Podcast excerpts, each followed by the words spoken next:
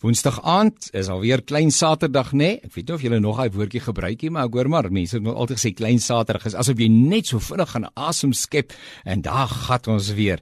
Ai die ou lewe is mos haastig jong en uh, ek vertrou dat deur al die haastigheid heen daar ook vir jou genoeg tyd is en dat jy tyd inruim en dat jou prioriteite van so aard is dat jy inderdaad by die Here kan uitkom. Kom ons sê vir mekaar, daar's nie 'n manier in die wêreld wat ons sonder die Here kan lewe nie, hè?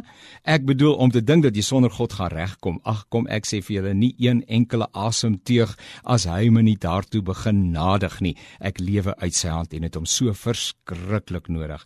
Maar ons praat met mekaar oor herlewing. En uh, wat is hy teks nou weer? Ag, daar's verskeie tekste in die Bybel. Ek bedoel die hele Bybel is eintlik op 'n manier 'n oproep tot eh, 'n uh, nuwe belewing van die grootsheid en die majesteit en die heerlikheid en die goedheid en die getrouheid en die ag, noem maar op van ons wonderlike en merkwaardige werkwaardige God. Maar daar in 2 Kronieke 7 vers 13 en 14 staan daar mos As ek die hemel gesluit hou sodat daar nie reën is nie of as ek die sprinkaan beveel om die land kaal te vreet of as ek pes onder my volk stuur, populêr is dinge rondom julle maar begin de mekaar gaan, dan moet julle vra, het dit wat rondom ons aan die gebeur is iets te doen met ons eie geestelike toestand?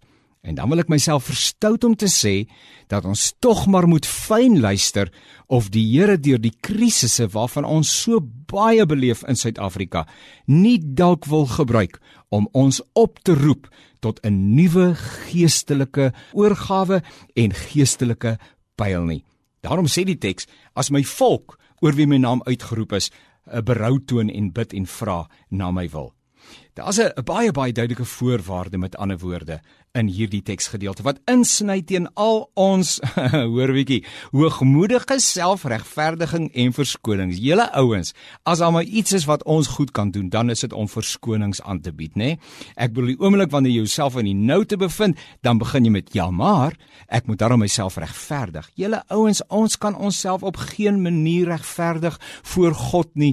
Ons ken ons eie geestelike naaktheid. Daarom niks anders as 'n radikale radikale, eerlike en ontblotende selfondersoek en belydenis bring God daartoe om sy mense in herlewingskrag te besoek nie. Ag Here, wees ons tog asseblief genadig. Skenk ons 'n eerlike selfondersoek en die genade om U aan te gryp en aan te roep met die verwagting dat U ons en dit rondom ons inderdaad wil kom nuut maak. Ons kuier môre weer verder.